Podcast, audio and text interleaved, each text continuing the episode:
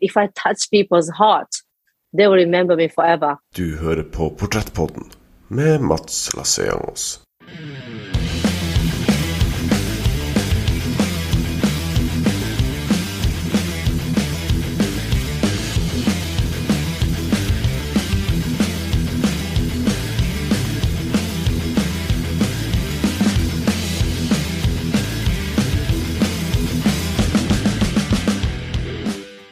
Det stemmer. Du hører på Portrettpodden.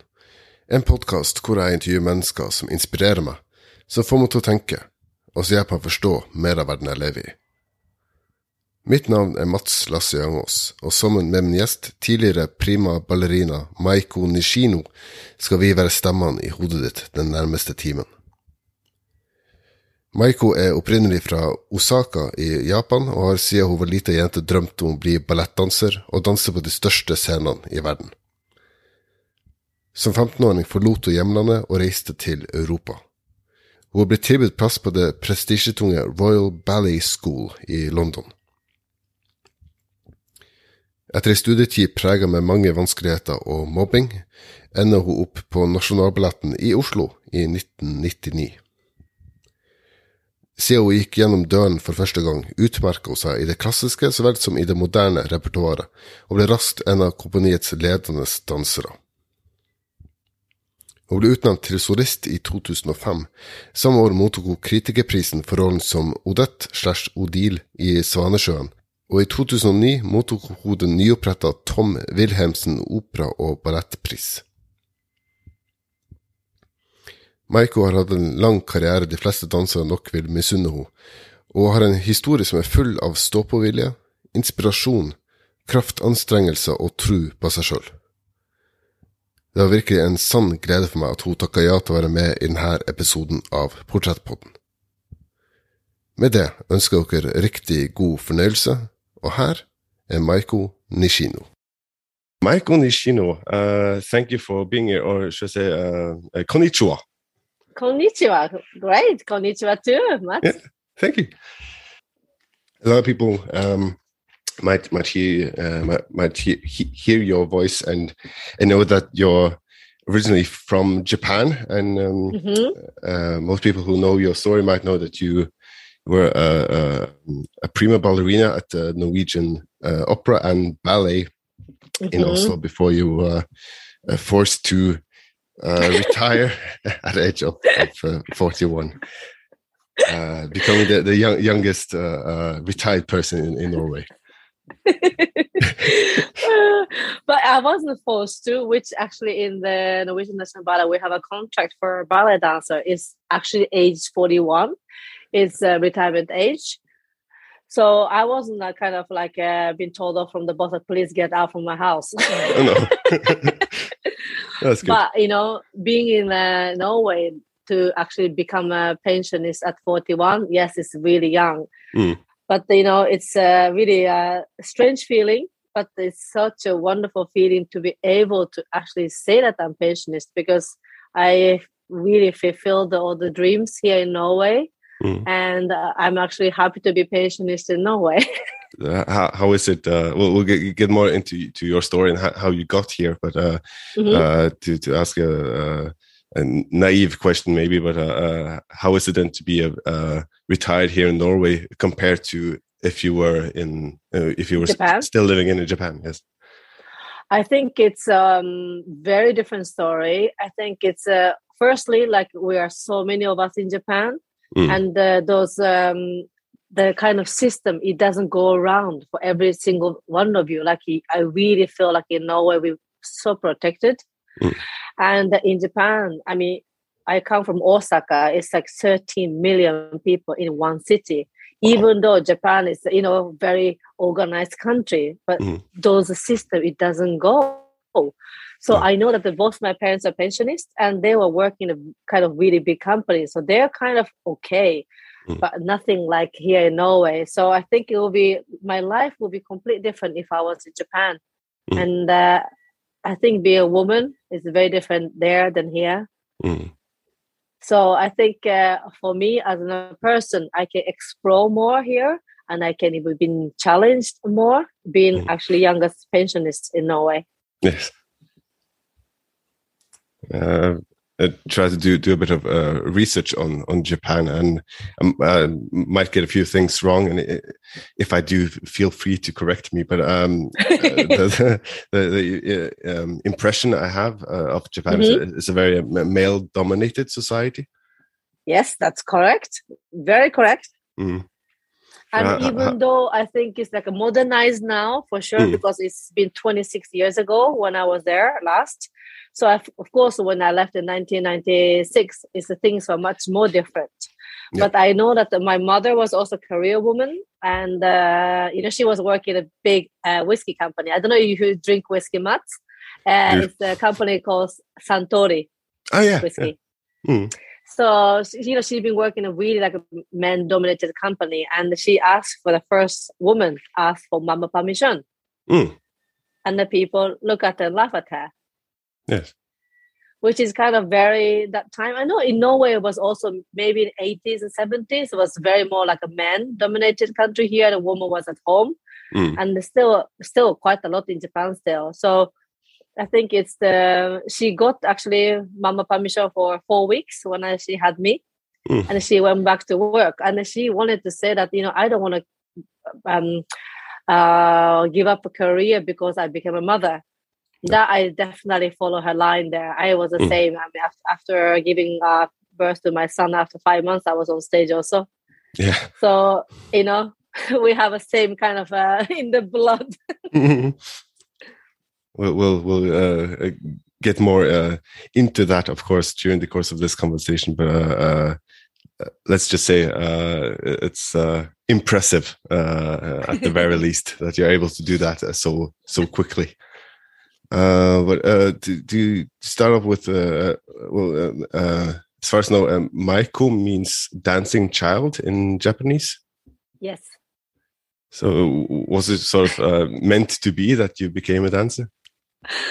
Actually, my mama didn't think so much because she was she's nothing to do with the dancing uh, background. You know, mm. she she does enjoy dancing herself, and then also like not hobby. She like to watch different kind of dance, even from ballet to jazz to from flamenco to. She really enjoy. She just you know her body have that kind of feeling of music.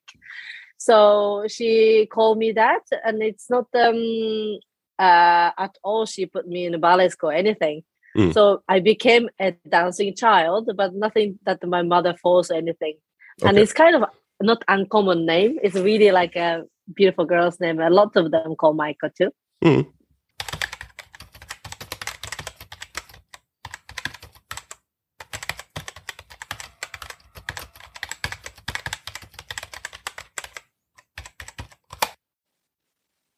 I just thought it if well, this is sort of um, might be stereotypical and might also be be wrong. Just a thing I've heard about uh, Japan is that it's very uh, the, system is uh, very uh, honor based, and, and, and you're supposed yes. to be the, the, best at whatever you do.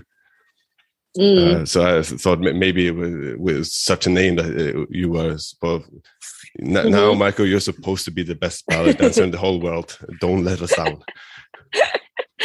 um, not actually, you know, like I actually put a pressure on myself because mm. I think I mean the, we're talking about all my history. Um, I can maybe just go back a little bit when I uh, left Japan. I was just 15 years old, hmm. and I just graduated from junior high school. And you know, two years before, when I met my teacher, he's from Switzerland. I decided to also become ballerina in Europe. Mm. And that's I put them in the pressure, you know. And I don't know if you see my movie, but they, yes. you know, they saw the house, and you know, they put real economy pressure to mm. able to do my dream, you know. Mm. My name, Maiko means dancing child. When I was 15, I was accepted at the Royal Ballet School in London. To be able to pay for my school, my parents sold the house and the car,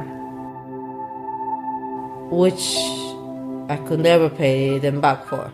Dokumentarfilmen Maiko Dancing Child regissert av Åse Svenheim Drivenes fra 2015, følger Maiko nært i dansen og i livet gjennom flere år, i tida Maiko står midt i et brytningspunkt i livet. Å danse på toppnivå har sin pris, men Maiko inngår ingen kompromisser når det gjelder hennes egen karriere. I couldn't fail. I couldn't just come back. Oh, it didn't work, mama, papa. You know, I no. just have to succeed. Mm-hmm. So even though I was just growing up in Japan until 15 years old, I had that kind of mentality. Just when you just grow up there, you know, sometimes you just you just have it in you. And my mother, as a really career woman, she was very driven to uh, have some kind of thing to say. Even she was a woman in a really men-dominated company. Mm. So I think I'm a really, uh, I must say, I do look like a Japanese and I have a very strong core being Japanese. But mm. since like half of my life in Europe, I do feel like European too. yes. If you if you go back to to the, uh, to Japan, do, do do you feel like a, a, stranger or do you still feel at home? I feel like a tourist. And also I'm really tall in Japan. Like my family mm. are incredibly tall, even including my brother and sister. And my brother is 190. You know, so it's really mm. unusual in Japan. So when I go home, I really feel like a, a kind of tower coming home. yeah. But also, I love that they always have a, my family is very close. We also have um, um, discussion about things and you know, even my brother, sister, she, they all say like I'm very naive because I'm all they left when I was really small. Mm. So all the society, what's going on in the business, what's going in the country, and I have a really strong opinion about how the Japan should be. Mm. But uh, you know, it's not that easy. You know, they always said it's just something is a hierarchy and the pressure. Every day they have pressure. Yeah. Deliver, deliver, deliver, and dedication. And but of course, I think that really made me to. I mean, to succeed here too, being foreigner in Norway mm. and i just had dedication to make it that happen mm. and uh, I, I, read somewhere that uh, uh, when you uh, graduated, uh, you asked, uh, "So, so Maiko, what do you want to do for the rest of your life?" well, I'm going to be a ballerina in Europe.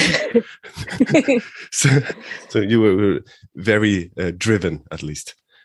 That was 12 years old. That was primary mm. school graduation. Yeah. And I, I knew it then, Mats, I knew it. I wanted to dance. Mm. I wanted to live. I wanted to have, I wanted ballet to be my life. Mm. That age of 12, I knew it and I wanted. And uh, amazing, I actually got it. I mm. living the life I wanted. So I'm very like, I know it's a lot of hard work and all the really hard up and down, but I am so grateful that I, my parents trust me that I will be able to make it and they support me until now. So i'm very uh, yeah like really grateful to have family that really supported me. It wasn't very difficult for them for sure. Yeah absolutely. And um well, I've, I've heard from from uh, people i know who who are dancers and they they usually say that uh, if you want to start uh, want to start with uh, ballet, you have to start when you're uh, four or five years old, mm-hmm. uh, to really start to to to shape your your body and and and everything. So so uh, would you s- starting again the interest when when you're around twelve? Uh, uh, how how how hard did you? Uh, have to work in, in order to, to get to a point where you can go to London, for example, and, and study mm. there? For me, I must say I was so gifted for having a wonderful ballet teachers, one mm. female teacher and male teacher in Japan. And I met also a teacher from Switzerland. He really was the one told my Japanese teachers that you have to let Maiko out. Mm. And I think one thing that I really remember, I wanted him to see me, you know, just not being pushing, but I wanted him to see me. If there's something he could see, if I there's something is in me that I could make it. Mm. And um, he told my teacher that I think your student really want this. Mm-hmm. And um, being like a Japanese, you know, usually you don't say much how you feel. No. You're very much more shy, and I was none of it. I was loud, and I always ask question. I said no, thanks, and Mm.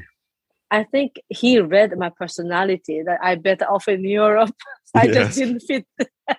I didn't fit in in my own country. no. Oh, but you know, and I think that's so. Um, my my mother is very emotional, and which I'm so happy with our family. We talk a lot about our emotions, which Mm. very un-Japanese maybe in a one way. Mm. And uh, since I was really little, I could actually cry, hear Mm. the music. I was so taken by so many beautiful music I hear, and that's something I was just moving and dancing, and, and my parents saw it. You know, I the music took me some other places mhm. and I really saw that on stage. Like Royal Ballet did a guest performance in Japan, did Romeo and Juliet, and that when I saw that live with orchestra and the ballet of like a powerful how ballet was not just beautiful thing that I thought you know Mhm. princess, you know gorgeous costume, but she actually died, killed herself in front of me, you know, and Mm. I could not believe at such a young age that actually a person made me cry because she just danced Mm. and that power of the magic of ballet that hit me and i want to do that Yeah. So that that that, Mm. that moment of of watching uh, Romeo and Juliet, uh, that was the point when you when you knew you you Mm. were meant to be a dancer.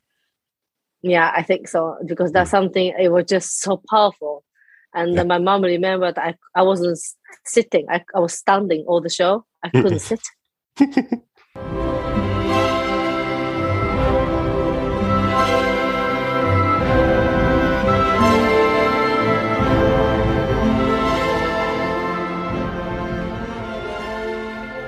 De to unge elskerne fra Verona flyter langs scenen. Selv om ingen av dem sier noe, er kjærligheten og lidenskapen mellom de to håndfast. Musikken til den russiske komponisten Sergej Prokofjev later til å følge deres minste bevegelse. De svever sammen, og samtidig med hverandre, som var de én enkel organisme. En større helhet hvor de enkelte bestanddelene kun kan uttrykke seg fullt og helt i den andres armer. Musikken bygger seg opp til et crescendo like før Julie hopper opp i lufta og lander grasiøst i hennes elskede Romeos armer.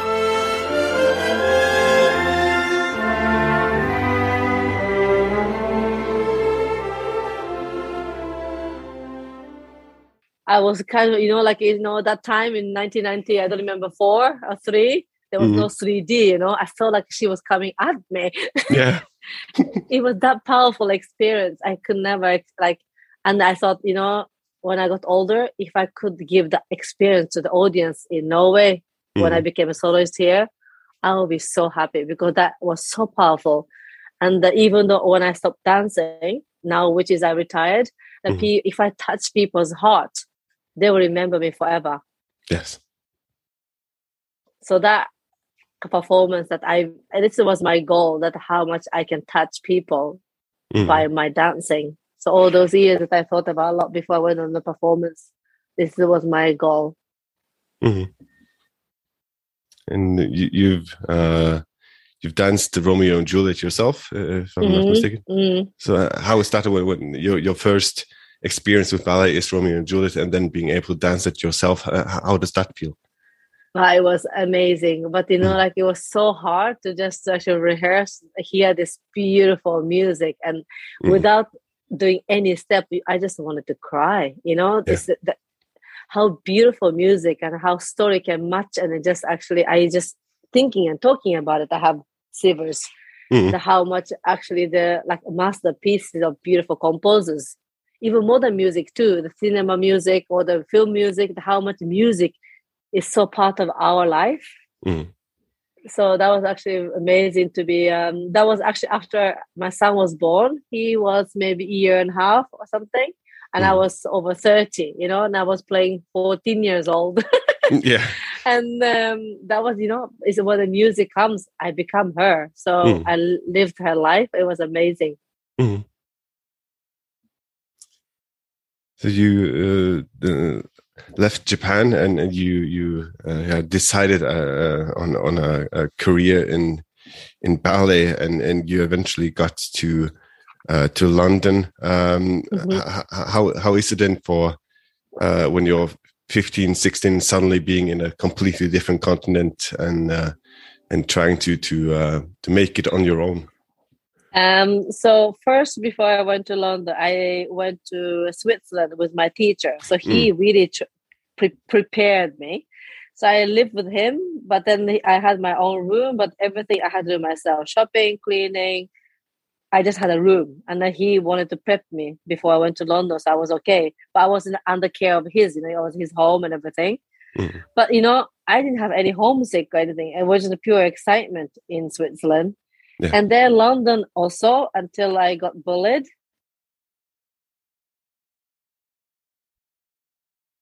And that was a moment of reality like, oh shit, it's ballet, it's like this also, you know?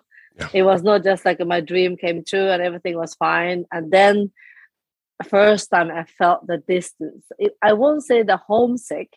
I never wanted to give up. When I never until now, I never wanted to give up.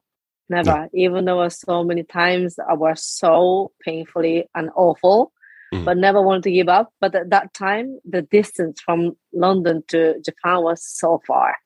Yes. And uh, there was no internet like now. You know, I can do mm. Zoom uh, meeting like you, and yeah. there was no um, internet, and there was only collect call, if you remember. Mm. And there was a fax, and uh, I wrote them fax every day. I write. Mm. It was a diary between my mom and um, uh, me doing the fax during the time. Mm. But it was really hard. The distance was hard. Yeah. No, does that motivate you to work harder, or does it make it more difficult to achieve your goals? So the darkest times in London with the bullying and all that times, just I was just lost somehow. Mm. And then I say that kind of the week Maiko came out to my mother, and my dad was also behind me and with mm. my mom listening to this conversation. And then, you know, I, I remember saying, you know, it's so hard, you know, and it's like this and this, this. And then my mother, you know, she's the, the key of who I am today. And she said, you know, we never forced you. You wanted this. Mm. You put us through all of this because of your choice. Mm. And now you're calling us and say it's hard. There we go. That's uh, my mother is for you. Mm. But you know, because of that, I realized how much I wanted, how much I wanted because that I experienced it. You know. Mm. So that time I hated my mom so much you will not believe. Yeah. And I just how can she just say nice things to me, you know? Mm. And my and then behind her uh, my dad said well she can just come home. And then and like no. No. And of course the papa is probably more feeling sorry for me. Mm-hmm. but you know all these times and then you know years later when i become professional dancer and then you know i do remember when you told me this mm. and then uh, it, and she told me do you know how much i cried after i put the phone down to you yeah. how painful it was for me to say that to you. Mm. But because I knew how much you wanted, mm. I couldn't just say, come home. No. So I am forever grateful to have that strong mom to kind of not to push me away, but just like, look, are you really want this or not? Mm. And that was a reality check. A very hard way, but I am so happy she did that. I had the courage to do that and uh, oh i don't know if i become mother now if i can be that tough as she is mm-hmm. but i think she said to me now it is just different uh, story because now i can be connected anytime i want to with my son mm. and that time distance was just that reality you know it just mm. it just it just doesn't work so yeah. i think it's very different now than before but i am so happy in a in a good and way of painful way, but my family been there in a really heavy times too. Mm. Uh, you, you, have a, a, lot of things to to thank your family for for uh, uh you being oh, being able to. Mm. Uh, but, so uh, this career success is for my family. Yeah. Also. Mm. Uh, but if your uh, mother had said come home would you then have packed all the things and gone back to japan Mm, I don't know, but that time I was so vulnerable and mm. I was 16 years old, you know. But I don't think I would have left home. But I think was uh, if she was really like, oh, you know, my darling, everything. I don't know if I actually survived to go to school next day. I don't think I would have left Japan, but it would have made it really hard for me to stand there strong. I think. Mm. And my mom would know me inside out. Yeah. So how how was talked a, a little bit about it. I, I don't want to um, push you into into talking about uh, difficult things, but uh, uh, can, can, you explain a bit how, how how was the the the bullying and, and how did you um, uh, get through it? So you know, ballet always we want to be at the best. It's mm. a really harsh environment. It's like you know top athlete sports also. You know, mm. you want to be seen, you want to be the top, and and uh, sometimes, especially maybe girls, they'll do everything for you to not achieve that and uh, I think girls are much more snaky, you know. Mm-hmm. Boys, they probably like fight each other and finish with it, and uh, mm-hmm. it's mentally really uh, mess you up a bit. How they're um, been um, being with you. A moment they're nice to you, then talk about you in the back, and they just laugh at you, and mm-hmm. you know they just hide your things, and then I cannot do class, and it's like it was like almost like a movie, but mm-hmm you know that time always things that happened to me that time it really learned how the reality of ballet and i needed to learn you know? It's hard and it's competition. And um and because of that i think i have a such a kind of a care also the people going through it and because i've been through it and i understand them. Mm. and also that i because of it it made me strong too Mm. So I have a very different experience. And same in the company when I had a really up and down with the different problems. I also dealt it better because I've been through it in school too. Mm. And you know, we whole we're human being also, and that I think I learned as what who I am as a Maiko because I had a lot of uh, things was happening to me. It was test you know, and I got mm. tested very early. But because of that, I think I could succeed early also because my skin was rougher. mm. Mm. I think uh, um, many of uh, uh, those listening to this uh, episode will also uh, know what it's like to be uh, bullied mm -hmm. in school or when you're young. But I think the I think the the, the biggest difference is that at least when, when I'm bullied in school, at least I can uh, uh, answer back in my own mm-hmm. language. I'm, I'm, not in a foreign country, mm. far away from my mm-hmm. parents. Um, mm. I'm a bit safer, I think.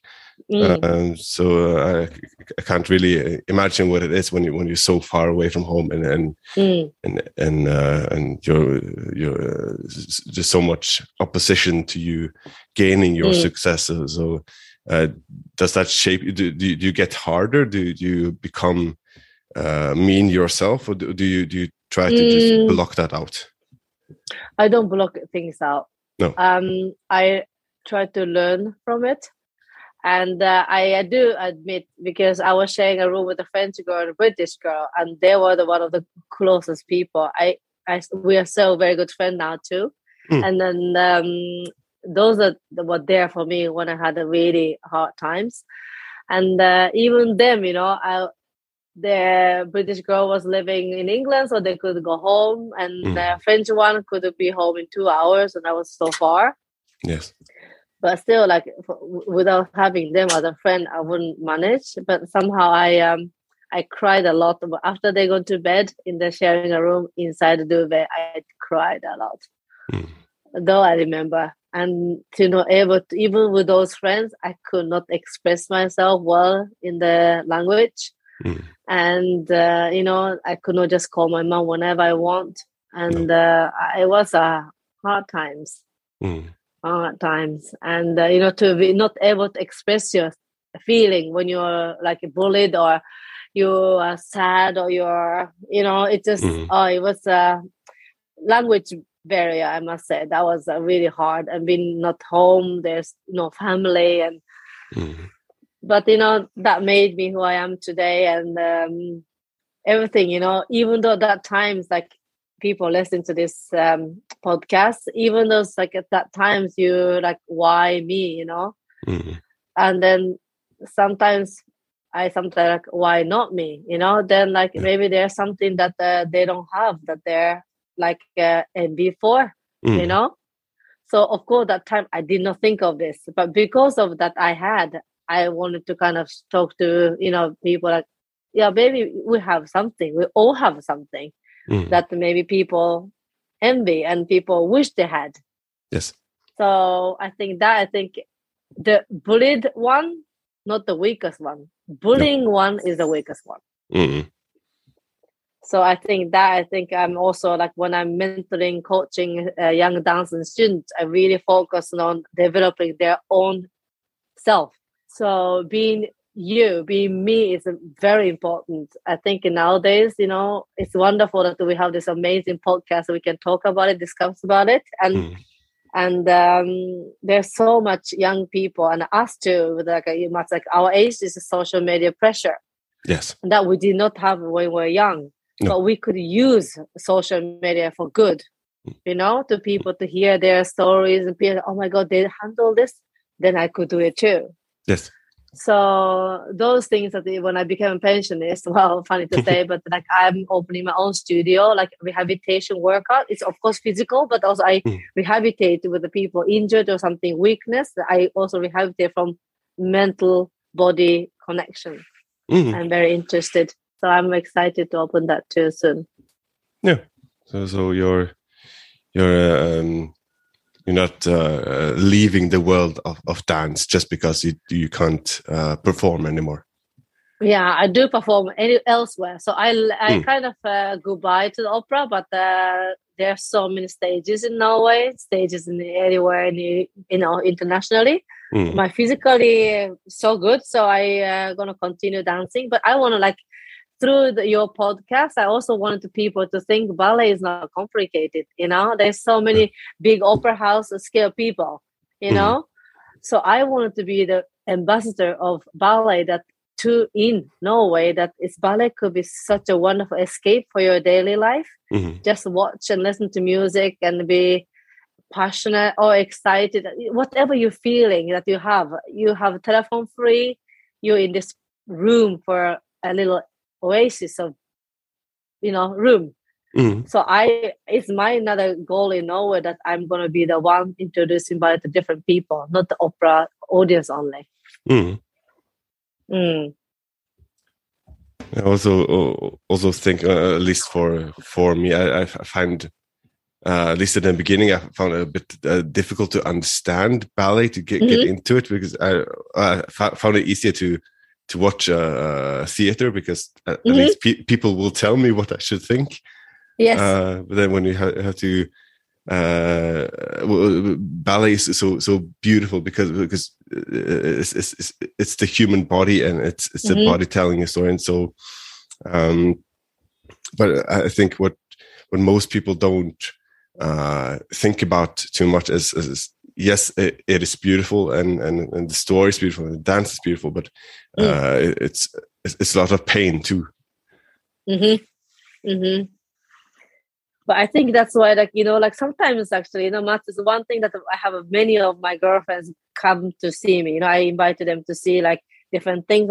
oh, I don't know this ballet. And just come and see and give me your review. Mm. And I'm more interested to hear them review than uh, ballet people's review because yeah. the ballet people always technical review. And I thought, yeah, I know that I could have been better or fucked it up, or you know. Mm. But uh, like pure eyes are so interesting to hear. My yeah. son's review is almost interesting also. Mm-hmm. I wanted to kind of uh, people to think about ballet like out of a kind of box feeling, you know. Mm. So um, we're not very complicated. We're not fairies. We are human beings. we play fairies too sometimes, but uh, yes. uh, we are human. yes. So, so, uh, so bringing the, the beauty of, of, of ballet to those who who uh, might not uh, go to the opera every day uh, is, is mm -hmm. also important. Mm -hmm. Definitely, definitely. Mm.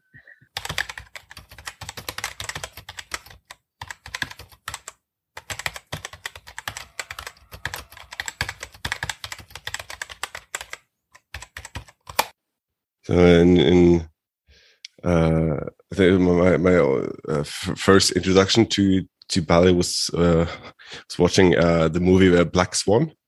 Filmen Black Swan av Darren Aronofsky med Natalie Portman i en av hovedrollene er satt til ballettens verden og har Svanesjøen som et sentralt bakteppe. Filmen hadde premiere i Norge i februar i 2011, og følger Nina, spilt av Portman, hvis liv kun dreier seg om dans. Hun bor sammen med mora Erica, spilt av Barbara Hershey, en tidligere ballerina, som på kvelende vis støtter datterens profesjonelle ambisjoner. En fabelaktig film som blant annet sikra Portman Oscar for beste kvinnelige hovedrolle, men hvor nært virkeligheten ligger en sånn film? Hva tenkte eksempel Maiko da hun så filmen? My God. um, you know, but it's funny enough. I mean, there's um, there's a, that movie. It's like you know, for us was oh my god, it's a cliche. But you know, some of them are so true. So I was like laughing all the way. I felt so bad because I was in the movie theater here, I think, in Oslo. Mm. I think with Colosseum, you know, huge movie. I was laughing my head off because I was like, oh, it's so embarrassing. yeah. oh yeah, yeah. Yeah, uh, that's the uh, the technical review coming in. Yes. Yes. Uh, uh, uh, are are you then uh, able to watch, like for example, Black Swan or or other type of ballet without thinking, oh, that plie should be better, or are you able to to to turn your brain off and just enjoy it? Yeah, I, I think so. Black Swan was a bit difficult because uh, I mean Natalie Portman really did her best, but mm. I knew that it was not Natalie dancing it. You know, that was no. like for, for ballet dancer. That you know, they said, "Oh, Natalie uh, practice for uh, yeah the the other to dance all the dancing." I said, "It's not true." No, it's not possible to train for like uh, a bit and just do what she what she was she did not do it. Mm you know? So that's something was just like uh, for us was like yada yada yada because it's not possible to achieve what in a, whatever year ballet class you did. So that beside that i i, I did I, I didn't think about her stuff anything because i mean it was uh, really uh, kind of open for ballet to people but like a ballet movie. Mm-hmm but I did not become a bird though. That was the one thing. I didn't have my feather growing from my shoulder and anything. No.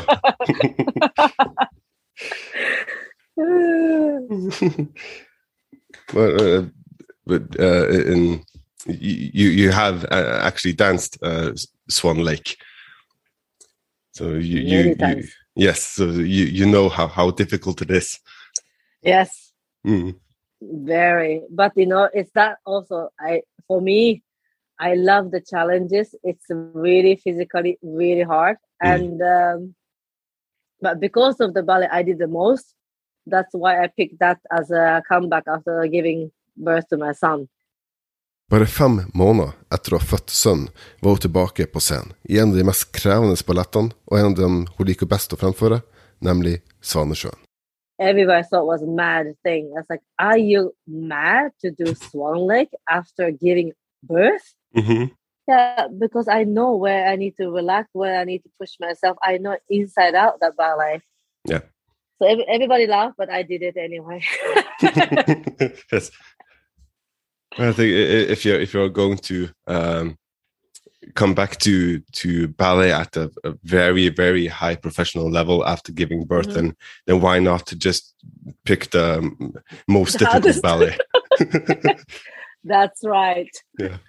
Speaking of uh, as, as i uh, touched upon most people watching ballet might not uh, know how how hard it, it actually is to to dance ballet at a professional level.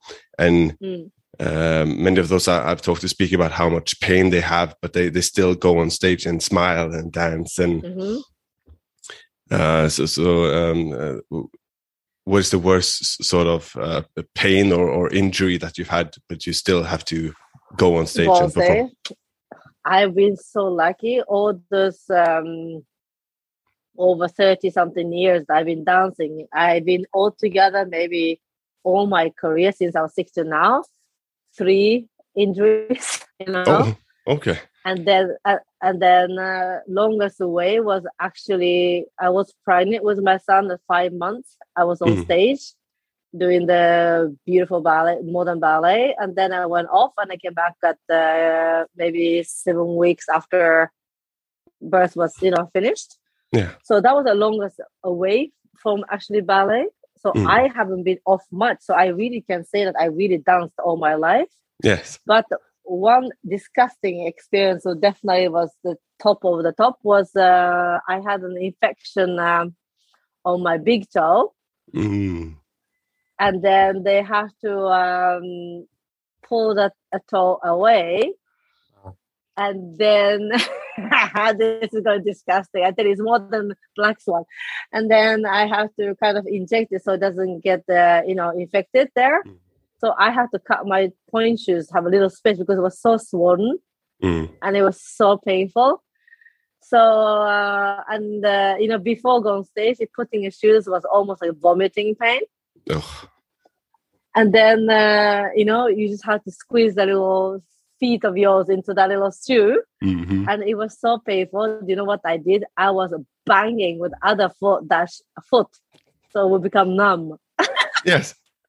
Why not? so this is what we do as a ballerina. Yeah.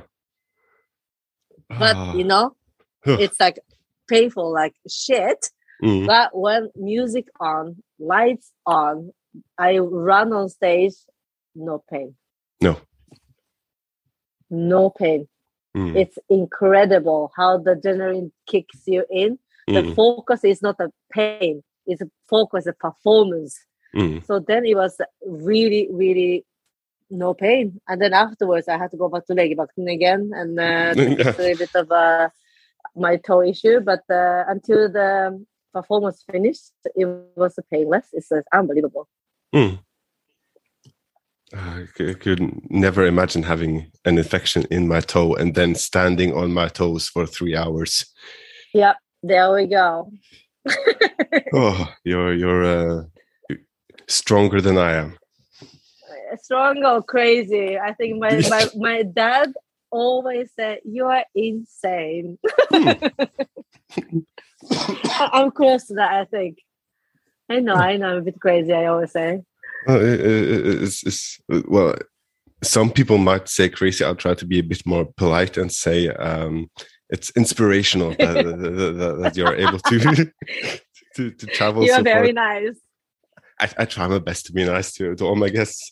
Uh, but, but, but I know in your head you think, "Oh my gosh, she's crazy," but that's fine yeah. because I'm well known as I'm crazy, but I didn't hear, so it's all right. I think it, but I don't have to say it. It's okay. It's okay. You know, it's oh, okay. what the mind does. Yeah, yeah, yeah, yeah. No problem. Mm. Good. Because I was thinking it might sound a bit, uh, at least to me, it does sound a bit uh, crazy going to the other end of the of the world, going from Japan, ending up in Norway uh, yeah, that's also crazy. Yes, and then and then being a, a, prima ballerina and and and uh, going th through that career and being on the, uh, on the top of your career for for for so long, and then um, uh, so so so leaving your life in in Japan uh, when you're uh, mm. 15. So, so how uh, is, is there is this sometime when you when you think I, am I'm really missing home, but I have to I have to stay here in in Norway, for example, and, and dance. Mm, no one forced me. I never have that that, no. that I have to because I made that choice. Mm. So never felt that I have to stay and uh, succeed. If I wanted to leave, I would have left. Mm. And uh, I love what I do, and I love being here, and I have a beautiful life and a colleague and friends and so I, I, I don't feel actually sorry my sorry for myself because I made that decision. You know what I mean? And Mm. that my parents uh, reminded me, and that's I am forever grateful that I have what I have here. Mm. So I don't feel sorry for myself, myself, but I feel so happy that I have ended up here and I had a career here. Mm. Yeah, so I don't like maybe lots of people. Oh, it's so much, it's so hard for you. Yes, actually, these two years of Corona was really horrible for me, and still is. Yes. I Mm. have not seen my family, and for me, that is more painful now. Is because my son is eight and he's growing so much that my parents just missing it. Mm. You know, calling on a FaceTime is not the same. Better than nothing, but it's not the same. So that's kind of is right now is the hardest times I have experienced. I think. Mm. Mm. We're forced to not to see each other. You know what I mean? It's not like a Yeah. choice. It's the forced. Mm.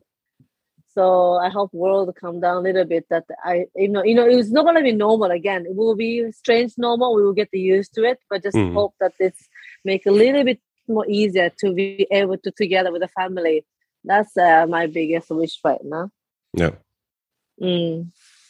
But I I feel not sorry for myself. I am far away from home because the life quality of life I have lived all these 26 years and I would not have that if I was in Japan. I know that in my heart. Mm. Mm.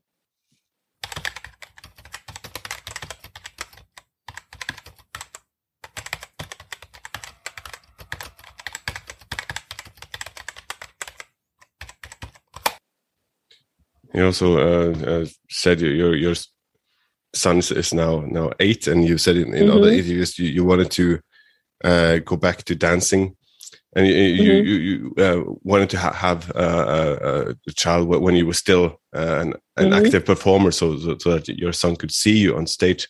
Uh, so. Yeah. Uh, um, uh, I think, think all, all children are, proud of, of their parents, but but um, Mhm. uh, how how is it for for him? Is is he aware that that you are a, a really famous really famous ballerina? Yeah, he knows. He knows, but I think he's also he's very proud of me. Mm. But one thing is that I just like a, it's not about um, me being big star. I mean, I has been I've been carrying a company for so many years, Mhm. but still for me that I want him to see on his own eye that I have left my home country for this. Mm. It's been my life, and I have. Uh, this is this part of me. It's not, you know, like yes, I'm a mother, I'm a wife, I'm a friend, and but ballet is also part of my life. It's not a job. No. So that one thing that I really, really my wish that my son could see me. Mm. And you know, and the corona time was really op- eye opening for me because I had to train at home. Mm. And I was really like it made a schedule that he could do his schooling. But then I said I need to do mama schooling too. You know, I had to I had to dedicate and I had to train myself so he could see that I need my time to train and he could not come and uh, uh, take time from me. Mhm. We had a play day, lunch date, but those two hours and three hours I had to do that it was mama time. Mm. And that I told him that this is something that um, I have just have to do to deliver who I am in the company. Mm. So I think it was really good because he just not to see me just on stage being beautiful and the audience applauding for me that she saw my work. I was so dedicated. And she, I think was he was old enough to understand it. Mhm. And uh, he joined me some kind of uh, in a crazy workout I do, and he was joining me also. Which was we had actually really first lockdown. We really found each other, time together, home together, eating lunch together. It was actually really, um, really nice times. Mhm. also. It was uh, some some positive came out of the corona pandemic. Yeah, yeah, definitely. And you know, but the opposite of it, my husband was only few can work at opera, fixing everything. He was a superhero of Corona at opera. Mhm. So he was like working like 12 hours a day. And then uh, I felt really terrible because he did not have any time home. No. But um, yeah, having him in my life, it's also made it possible for Mhm. sure. I, what I could do it every day here is because of he's been like the, one of the best partner I could imagine. Mm. Yeah. Hei, liker du det du hører så langt? Visste du at du kan støtte det arbeidet som ligger bak hver episode av Portrettpodden ved å kjøpe en kaffe på buymeacoffee.com skråstrek portrettpodden. Altså www.buymeacoffee.com skråstrek portrettpodden. Det er kun en kopp kaffe, men det betyr utrolig mye. Og nå, tilbake til Maiko Nishino. If, uh, uh, like we said, he's now eight, uh, so in, in, in seven years he will be the same age when you left Japan. So if he suddenly says, uh, "Mom, I want," Oh no. no,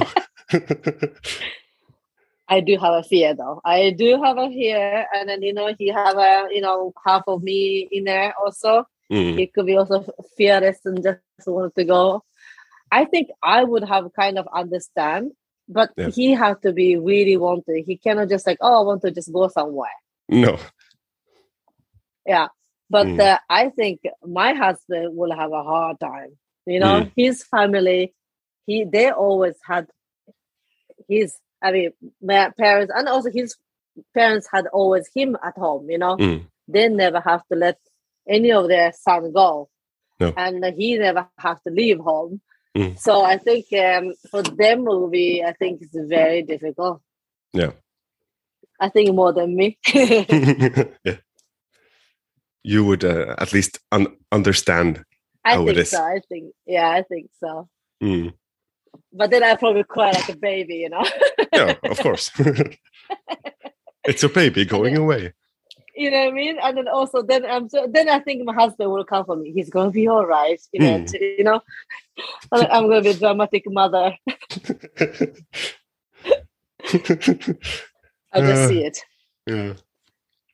Uh, spe- speaking of, of, of motherhood, uh, see, uh, the t- time is uh, running running out here. But uh, uh, you, you said that uh, after you gave birth, birth, you came back to to Swan Lake. Uh, so, Mhm. uh, I, I'm not an expert on, on that that ballet, uh, but but but do you uh, dance in another way when you uh, when you became a mother as before you? Uh, Yeah, had your- definitely mm.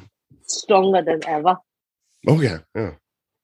It's the power of mommy, mommy. I think it Mm. just I have, you know, because of the ballet. Like I told you before, it's very familiar with that ballet. Mhm. But I have I felt so strong. I felt so strong. Mhm. Ev- I just don't know. Even myself, I don't know how I did it. You know, like No. giving a milk to him, and then I was like, um, you know, all my food went to him. You know, I was still breastfeeding and and uh, but I, you know, I just I remember the moment of the rehearsal. It's in that movie also. I felt like a home. I Mm. came home. I was a wonderful feeling. One of the one of the like best feeling of the performance that I this performance be filmed and my son could watch this when he's old enough. Yes. And that was very special feeling. Mm. You know, and the and the one thing that have changed, it was not about me anymore.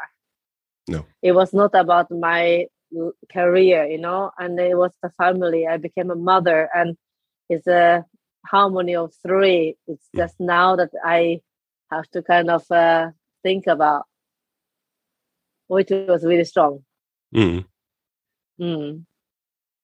Your uh, your last uh, uh, performance, at least in in the uh, Oslo Opera and, and ballet, Mhm. was uh, Onegin by uh, Tchaikovsky. hmm hmm Uh, and uh, uh, if I've read everything correctly, uh, Tchaikovsky is one of your favorite composers. hmm I think so because there's so many roles that is actually the ballerina roles are kind of uh, composed by him.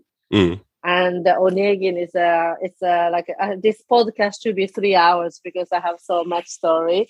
Yes. but um, Onegin is one of my really uh, uh, life changing ballet for me. Den tidløse kjærlighetstragedien Onegin, basert på Alexander Pushkins roman Eugene Onegin, forteller historien om den selvopptatte dandyen Onegin som faller for den unge, kanskje litt naive Tatiana. En klassiker. En rolle de fleste dansere bare drømmer om å få spille.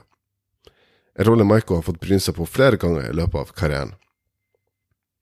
Og første gang hun skulle fremføre denne balletten, var det som en ekstra bonus i et liv som allerede var perfekt. Hun hadde nettopp gifta seg, og hun har alt hun kunne ønske seg. Så får hun plutselig en brå oppvekker. The ballet itself, it's been my dream to do this Tatiana.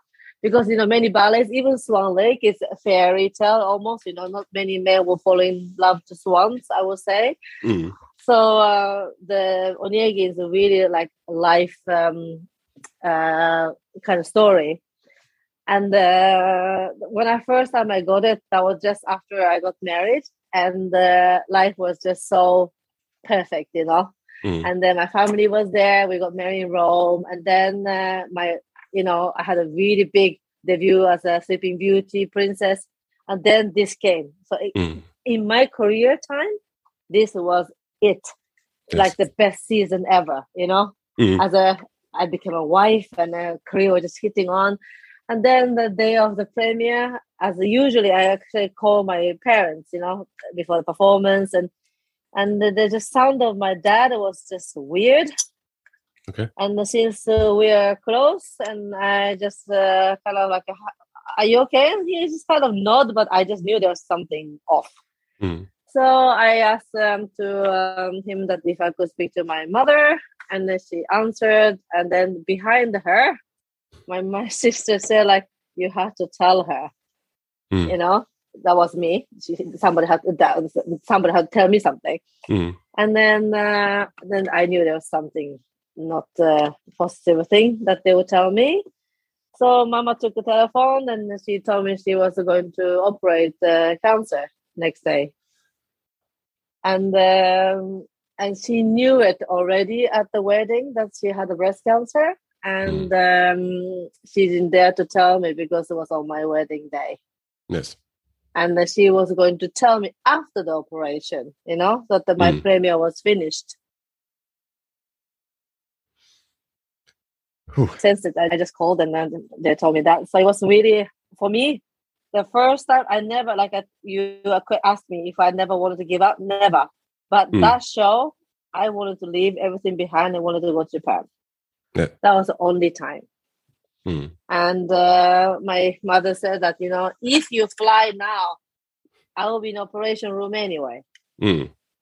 you know. And the one thing you could do for me was to dance to your main role. Mm. And then I did. Yes. And that I the I know that I changed something in me as an artist that show Mm. because I was so emotion, so emotional inside me. And I gave everything I think I felt in that show.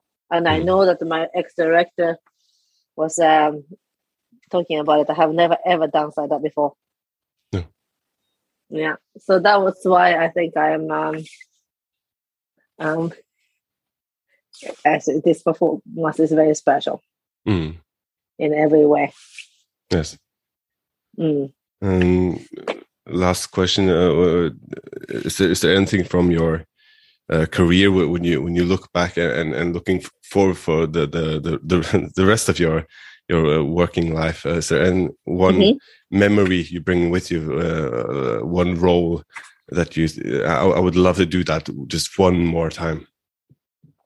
one more time i really wanted to do Mm, that was you know supposed to be it was not the corona it was not the strike Mm. i was uh, supposed to end with tatiana Yeah. Okay.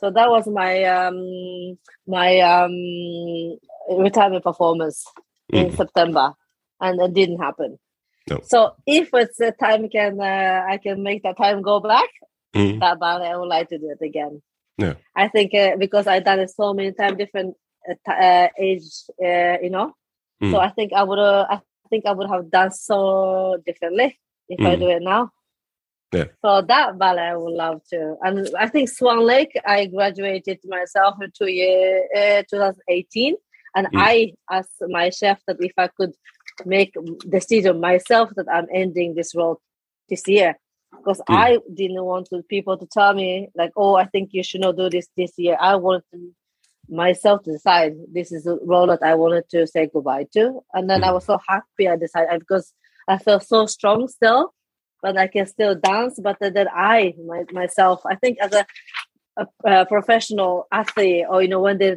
decided to quit or they decided to i think it would be so nice it's their, their decision mm. it's not because of age or because of the capacity of you that's losing or you know or like all the other people audience are thinking oh gosh you should have stopped yesterday you know mm. and that's kind of as an artist i think it's really have that pressure always yep. so i i was think i made a real decision a good time i feel mm. for swan lake so yeah. Onegin definitely I would have loved loved if I could be possible. But if it doesn't happen, I'm very grateful because I have danced it many times and I had an opportunity to really perform with many beautiful partners of mine. Mm. Mm. Um, Maiko Nishino, it's been it's been a, a huge pleasure to have you uh, as a guest on, on, this podcast and, and, and, learn a bit more about you and and, and about your your career. And uh, so uh, just uh, remains for me to say uh, thank you very much for for agreeing to be a part of this podcast. Uh, thank you so much for having me. Du har hørt på en episode av Portrettpodden med meg, Mats Lasse Jangås, og min gjest i denne episoden var prima ballerina Maiko Nishino. Min takk til Maiko for at hun tok seg tid til å være gjest i denne episoden, og min takk til alle dere som har hørt på. Har du gjort deg noen tanker underveis? Har du ris eller ros eller tips du ønsker å komme, så kan du rette til Portrettpodden sine Facebook-sider, eller på e-post til portrettpodden at gmail.com. Du kan også finne Portrettpodden på Instagram, og du kan støtte det arbeidet som ligger bak hver episode av denne podkasten ved å kjøpe en kaffe på buymeacoffee.com – portrettpodden. Alle lydklippene i denne episoden er benytta i henhold til sitatrett. Portrettpodden arbeider i henhold til Vær varsom-plakatens regler for god presseskikk. Takk for nettopp du hørte på, og vi høres snart igjen.